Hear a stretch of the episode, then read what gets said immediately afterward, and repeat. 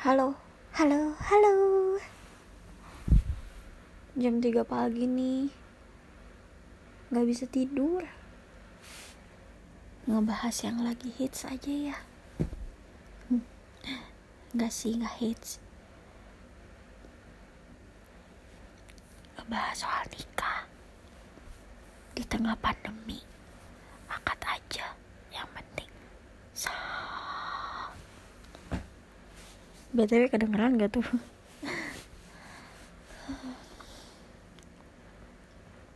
Banyak orang yang berbondong-bondong nikah dengan alasan Mumpung lagi pandemi gak perlu ngundang orang banyak Jadi gak perlu ngeluarin uang untuk resepsi. Segelintir orang berpikir demikian Gue termasuk orang yang tidak mikir itu. Oke Gue mulai dari diri gue sendiri ya gue akan menceritakan banyak orang lain yang gak gue sebut namanya tentang nikah.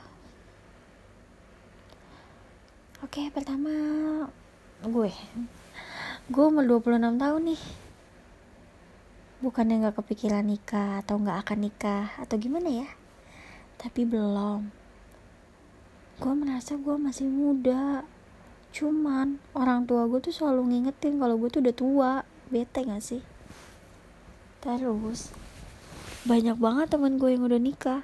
Jadi kayak apa ya standarisasi kedewasaan itu dengan menikah.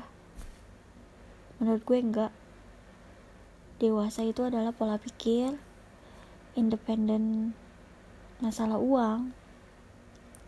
Gak menggantungkan kebahagiaan pada orang lain bisa mandiri. Mandiri itu nggak berarti nggak butuh lelaki. Cuman mandiri itu harus teguh di kaki sendiri. Jangan jalan dibantu sama orang lain. Itu adalah prinsip nikah gue. Tapi ya namanya juga manusia. Opini boleh dong. Pendapat orang juga banyak kok. Yang enggak sesuai pemikiran gue. Belum lama ini gue ngebaca sebuah tweet di twitter tentang cewek umur 22 apa 23 tahun yang belum dinikahin.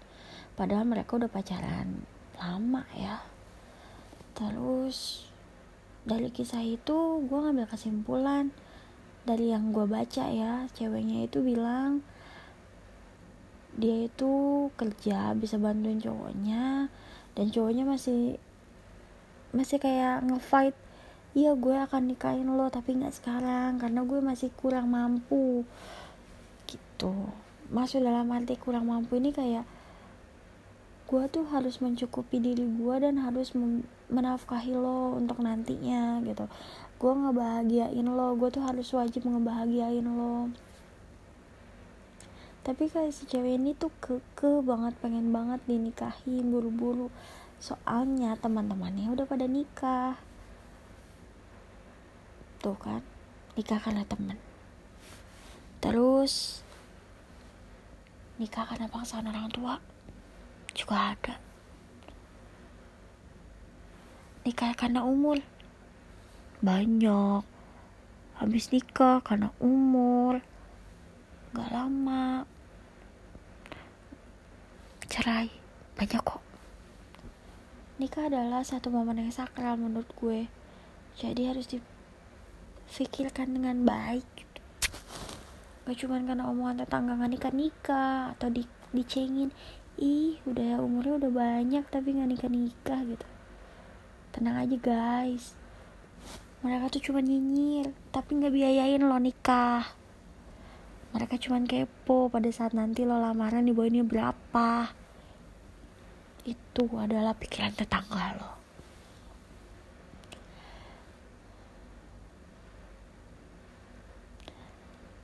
Bulu-bulu nikah juga bagus kalau ada dananya. Itu selebgram-selebgram yang menikahnya cepat. Mereka tuh udah kayak ngefight dirinya sendiri untuk mandiri secara finansial. Mereka kerja keras dan akhirnya membuahkan hasil. Dan mereka siap untuk menikah karena mereka tinggal nge, nge ini apa namanya tinggal menyiapkan batin jasmani rohani untuk mereka siap menikah dengan orang yang mereka cintai menanggung masalah berdua. Karena nikah itu susah senang tuh berdua. Cerita ke orang tua tuh nggak kalau bisa jangan nanti ada orang tua malah pusing kepikiran. Itu poinnya.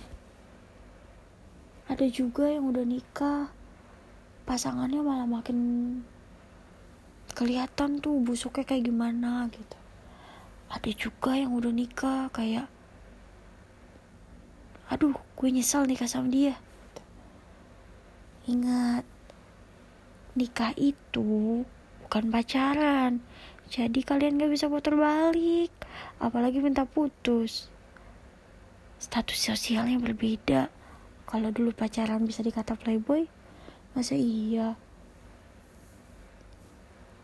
Pas nikah gara-gara nggak bisa ngulek diceraiin kan lucu guys. Terus apalagi ya banyak kok teman-teman gue yang setelah nikah belum mandiri finansialnya.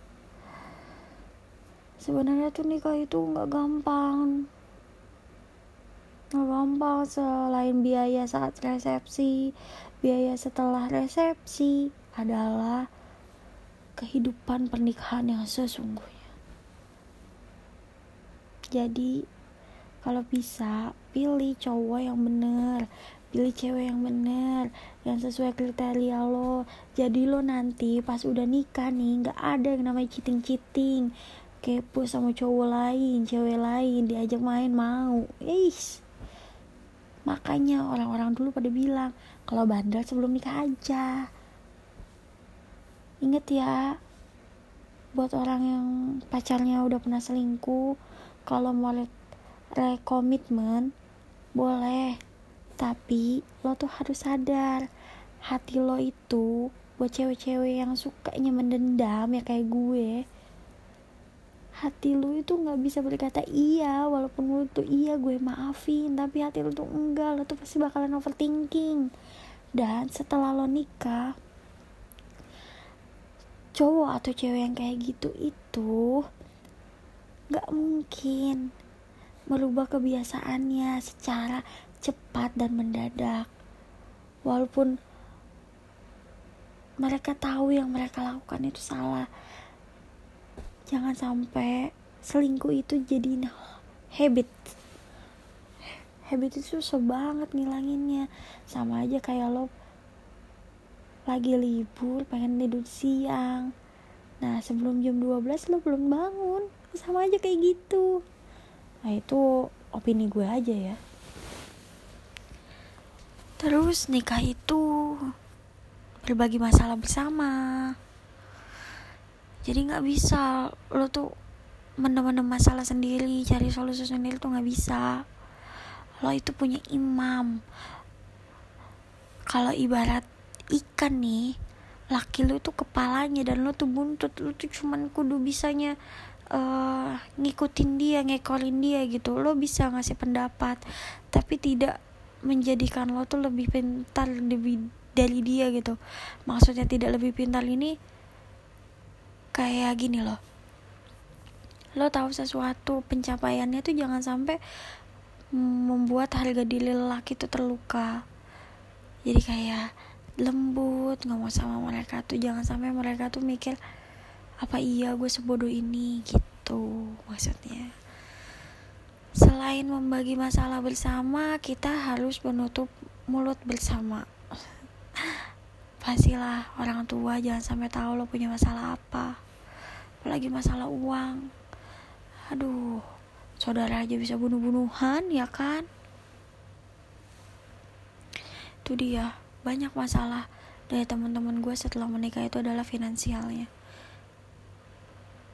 Sebelum lo memilih, atau memutuskan untuk menikah coba dipelajarin dulu. Kayak lo pengen interview aja budgeting dulu lo bakalan nego gaji berapa gitu. Jadi pos-pos keuangan lo tuh masuk ke mana dan siapa yang bakal mengelola uang itu penting banget sebelum lo nikah. Jadi kalian setelah nikah tuh ada yang rem gitu. Nah ditambah lagi bersyukurlah kalian yang setelah menikah langsung dikasih momongan tapi jangan stres. Kayak mau resign aja lo itu harus mikir biaya lo tuh berapa kebutuhan lo tuh berapa kayak gitu. Nah setelah nikah pun sama. Lo tuh harus mikirin setelah nikah lo lang istri lo langsung hamil nih biaya lagi oke BPJS keten eh sorry BPJS kesehatan ditanggung. Misalkan lo sesar atau apa. Iya tapi kan nggak segampang itu setelah lo keluar dari rumah sakit. Gimana? Beli baju anak lo gimana? Beli stroller terus boncer beli alat makan nantinya steamer terus beli alat pompa asi aduh itu duit semua cuy. Kalau lo mau nikah dan lo mau langsung punya anak tolong-tolong lah ya. Coba difikirkan dulu masukin dulu ke Excel biayanya. Estimasi itu penting banget.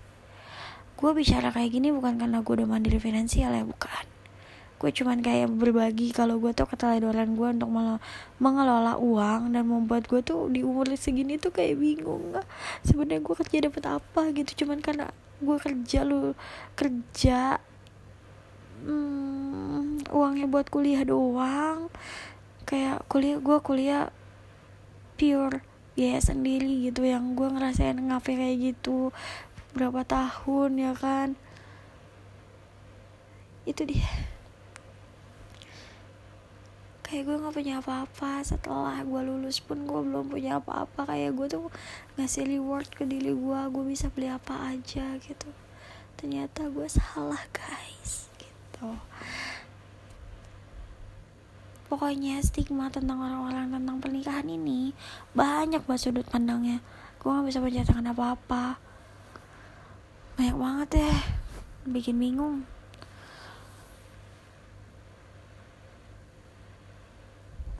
pokoknya nikah itu gampang satu hari doang. Bisa cuti lah ya. Akad sampai resepsi udah selesai. Semuanya selesai. Hari itu teman-teman lo pulang. Acaranya udah dirapiin dan tuh udah rundownnya selesai semuanya lah pokoknya. Lo memulai kehidupan baru dengan suami lo dengan istri lo. Lo harus terima kalau dia marah meledaknya kayak gimana kalau dia kesal kayak gimana? Kalau dia senang seperti apa? Atau kesal kayak gimana? Ah semuanya lo harus terima dia. Jangan sampai setelah menikah tuh ada penyelesaian ah penyelesaian penyesalan. Ribet banget ngomongnya. Maaf ya. Udah lima watt matanya soalnya. Pokoknya hidup itu akan baik-baik aja. Dan satu kuat untuk kalian yang ngedengerin ini.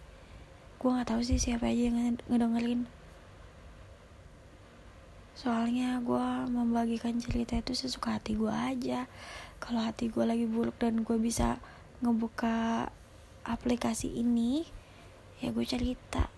Kalau gak bisa, ya kapan-kapan. pokoknya kuat gue ini